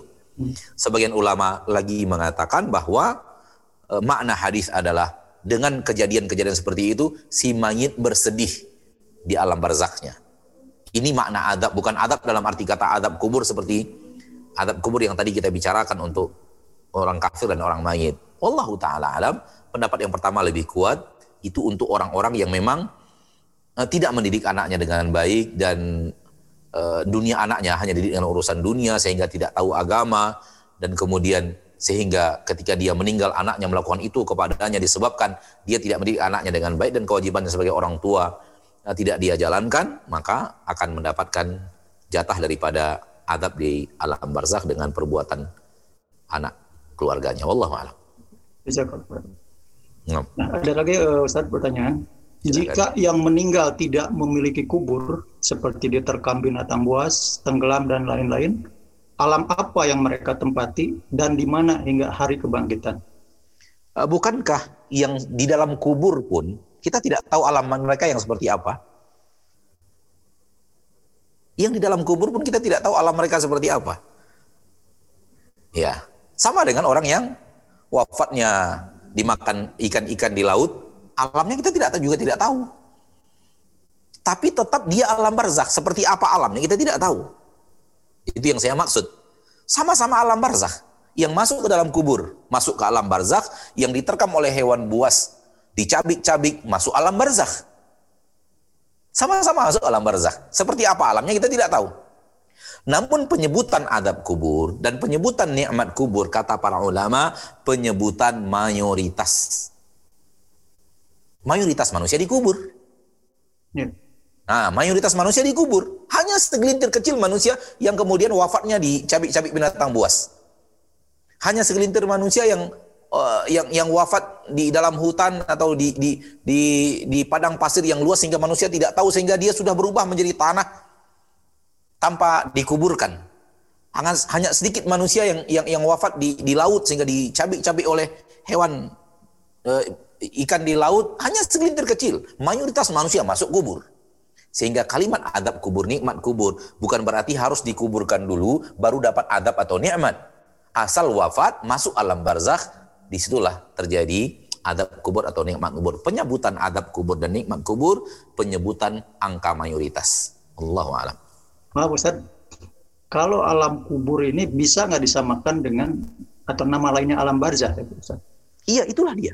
Oh. Alam kubur, alam barzah. Satu kalimat Mungkin yang itu sama. banyak persepsi, persepsi itu yang namanya kubur itu kan persepsinya itu bahwa itu lubang tanah dalamnya dua Ya, meter ya. lebarnya segitu. Iya. Ya, Alam jadi kubur kalau ya yang, alam barzah. yang meninggal meledaknya pesawat, wah itu dikubur nggak ya? Ya, baik. Mungkin persepsi Seperti yang Allah katakan di dalam Al-Quran, ya seperti yang Allah Allah katakan di dalam Al-Quran ketika Allah berbicara tentang barzakh, Allah berfirman, wa min waraihim barzakhun ila yaumi yub'atsun. Mi waraihim barzakhun. Kita lihat firman Allah tabaraka wa taala di dalam Al-Quran surat Al-Mu'minun ayat yang ke-100. Ya. Wa min waraihim barzakhun ila yaumi yub'atsun. Setelah selesai urusan dunia ini, perkara dunia ini, kehidupan kita di dunia ini, setelah itu kata Allah adalah alam barzakh sampai mereka dibangkitkan. Hmm. Allah menyebut alam barzakh. Jadi kehidupan kita sekarang. Setelah ini selesai kata Allah masuk alam barzakh. Sampai kapan di alam barzakh? Sampai mereka dibangkitkan ke alam akhirat. Itu dia wallahu alam. Masih boleh ya Ustaz? Silakan. Lagi. Ini maaf, nih maaf rada panjang ini. Assalamualaikum Ustaz, selamat siang. Mohon maaf sebelumnya. Waalaikumsalam warahmatullahi wabarakatuh. Saya Indah dari Surabaya, nih maaf saya disebutkan karena ada namanya. Saya dinyatakan positif COVID dan sedang menjalani isolasi mandiri. Semoga Mohon doanya dari kakak-kakak semua dan motivasinya saya izin bertanya kepada Ustaz. Misalnya kita selalu baca Al-Quran setiap hari, tetapi surah-surah tertentu. Jadi target khatam, khatam Quran belum tentu tercapai dari target waktu. Bagaimana nih Ustaz? Ya, baik. Pertama sekali semoga saudara-saudari kita yang kita cintai yang sekarang diberikan oleh Allah musibah dengan eh, terjangkit, semoga Allah sembuhkan. Dan diberikan kekuatan untuk berhadapan dengan musibah tersebut, diberikan kesabaran. Dan kepada saudara-saudariku yang sedang ditimpa musibah bahwa ketahuilah bahwa belum lagi kita lahir, sudah ditetapkan bahwa kita kena. Bahkan belum lagi Allah menciptakan langit dan bumi. Sudah dituliskan bahwa kita terkena. Maka bersabarlah. Itu tidak akan bisa kita tidak bisa menolaknya. Ya. Eh, dunia ini terbagi dua. Kadang datang kepada kita yang kita sukai, kadang datang kepada kita yang tidak kita sukai. Hanya dua. Saya, Anda, siapa pun manusia hidup di dunia ini pasti merasakan dua dua bahagian hidup ini.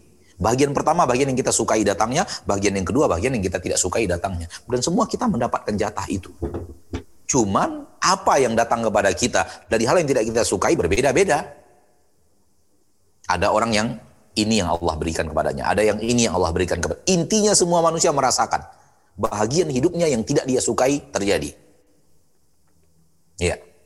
Namun qadar Allah sekarang ini saudari kita yang bertanya dari Surabaya sedang diberikan oleh Allah sesuatu yang tidak dia sukai dari eh, terjangkit eh, coronavirus. Eh, intinya adalah sedang terjadi.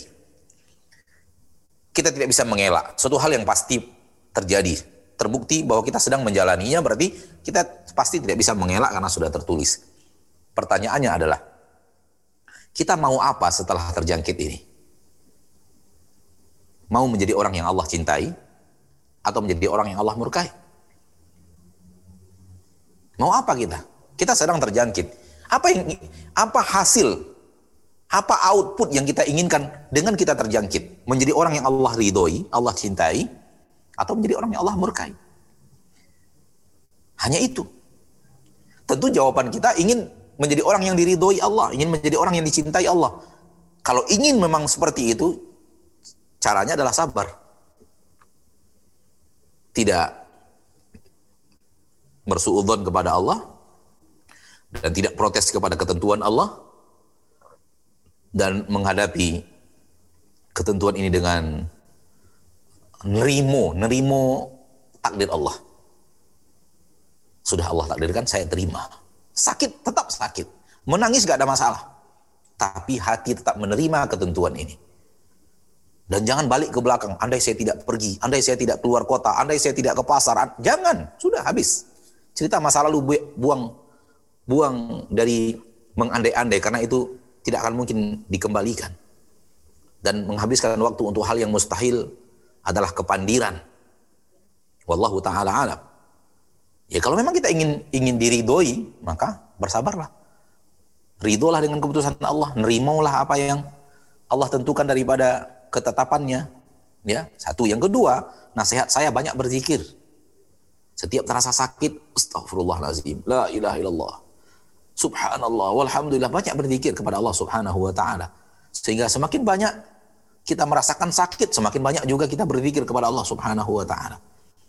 Ya, ini ini uh, yang yang yang ingin saya nasihati kepada saudari kita atau siapa pun di antara kaum muslimin dan muslimat yang sedang ditimpa musibah, simpa penyakit oleh Allah baik coronavirus atau yang lainnya. Adapun yang ditanyakan tadi, mohon maaf apa tadi? Saya terlalu fokus kepada ini. Apa tadi Bapak? Mohon maaf.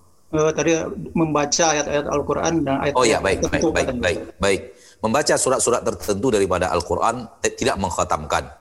Namun membaca surat-surat tertentu Uh, kalau seandainya surat tertentu itu kita baca, tentu itu adalah kebaikan. Karena semua Al-Quran adalah kebaikan. Namun jangan me membaca surat tertentu dalam waktu-waktu yang kita khususkan. Misalnya, kita membaca surat Ali Imran atau kita baca surat Yusuf. Baca surat Ali Imran adalah kebaikan, membaca surat Yusuf adalah kebaikan. Atau kita membaca surat Yasin, membaca surat Yasin adalah kebaikan. Ali Imran dan Al-Baqarah dan Yasin sama-sama surat dari dalam Al-Quran. Semuanya adalah kebaikan. Namun kesalahan manusia adalah membaca surat khusus di waktu khusus mengkhususkan malam-malam tertentu untuk membaca surat khusus. Nah, ini ini butuh dalil, butuh keterangan dari syariat di dalam syariat tentang pengkhususan itu.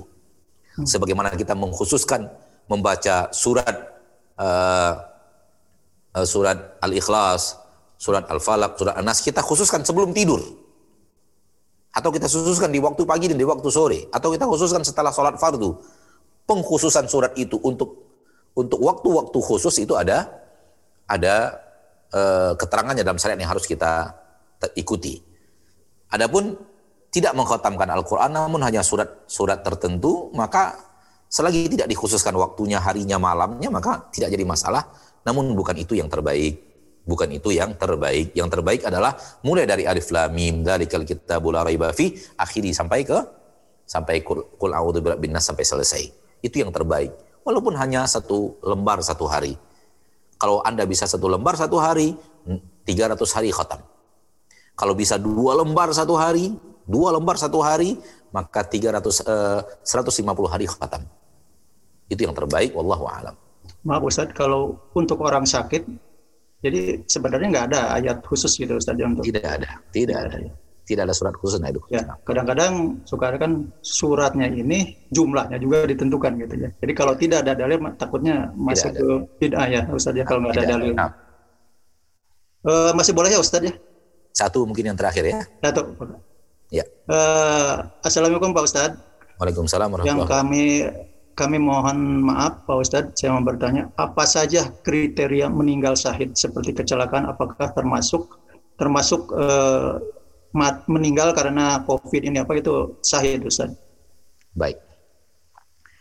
Eh, pertama, luruskan dulu pemahaman mendapatkan pahala mati syahid. Luruskan dulu pemahamannya. Ya, syahid terbagi dua, syahid besar, syahid kecil. Adapun syahid besar adalah meninggal membela agama Allah di medan perang, medan jihad. Adapun mati syahid kecil eh, tidak seperti itu, namun mati dalam kondisi-kondisi yang tertentu, ya, eh, bagi orang-orang yang soleh dan mengakhiri hayatnya dengan jenis-jenis tertentu itu. Maksud yang saya ingin sampaikan adalah jangan kriterianya dapat, kriteria wafatnya dapat, namun kriteria kesolehannya hilang. Contoh, ada preman mabuk wafat di hari Jumat. Karena dia mabuk di malam Jumat, teler, ya, kemudian eh, pingsan, kemudian jatuh dan jatuhnya ke ke sungai atau jatuhnya ke kolam sehingga tewas sambil mabuk. Kejadiannya di hari Jumat. Artinya wafat di hari Jumat itu tidak menandakan bahwa dia meninggal syahid karena hari Jumat. Seperti itu. Misalnya, jadi kriterianya itu adalah kriteria-kriteria cara wafat yang terjadi pada orang saleh. Terjadi pada orang saleh. Itu yang saya ingin maksudkan ya. Yang ingin saya maksud adalah kriteria-kriteria wafat yang terjadi pada orang saleh. Di antaranya meninggal dalam keadaan taun. Ya. Itu mendapatkan pahala syahid. Meninggal dalam keadaan melahirkan anak. Dapat pahala syahid. Meninggal uh, tenggelam. Ini dapat pahala syahid. Meninggal uh, ditimpa oleh reruntuhan. Dapat pahala syahid. Itu yang anda tahu ya. Wallahu taala adapun virus corona ini sebagian membicarakan bahwa ini adalah wabah bagikan taun. Namun yang saya tahu dan apa yang saya yakini bahwa ini beda dengan taun taun beda dan wabah beda wallahu taala alam baik uh, itu yang terakhir berarti Ustaz ya Ya. Uh, Ustaz terima kasih. Sebenarnya ini pertanyaan masih banyak sekali Ustaz. Mungkin mohon maaf kepada teman-teman yang tidak bisa disampaikan pertanyaannya. Mungkin di lain waktu. Nah, ini Ustadz maaf nih uh, mengganggu ini uh, karena ada barusan tadi teman kami yang seangkatan kebetulan ini angkatan 91 uh, kena Covid dokter. Uh, mohon bisa diberikan doa untuk bersama-sama Ustadz Uh, lebih baik kita berdoakan masing-masing. Insya Allah saya akan oh, masing-masing. Insya Allah. Ya. Iya masing-masing daripada bersama-sama. Nah. Ya kepada teman-teman barangkali ada yang udah tahu ada yang enggak mungkin silakan nanti berdoa untuk kesembuhan dari uh, teman kita ini. Ustadz ya. terima kasih uh, materinya. Insya Allah mudah-mudahan uh, Ustadz sehat terus Ustadz dan bisa nanti bertemu kembali di dalam uh, kajian ini dan kita masih haus ilmu-ilmu dari Ustadz. Baik. Terima kasih Ustadz uh, atas uh, waktunya. Ya. Dokter Aisi? Ya, silakan ditutup. Ya, kita tutup aja. Terima kasih atas uh, perhatiannya. Sekali lagi mohon maaf uh, apabila ada hal yang kurang berkenan dari saya pribadi. Kemudian mohon maaf pertanyaan-pertanyaan tadi tidak kalau kurang berkenan yang tidak disampaikan. Uh, mungkin lain waktu ditutup dengan doa majelis, tutup majelis. Subhanakallahumma wa bihamdika asyhadu an la ilaha illa anta astaghfiruka wa atubu ilaik. Terima kasih. Assalamualaikum warahmatullahi wabarakatuh. ارجعي إلى ربك راضية مرضية فادخلي في عبادي وادخلي جنتي.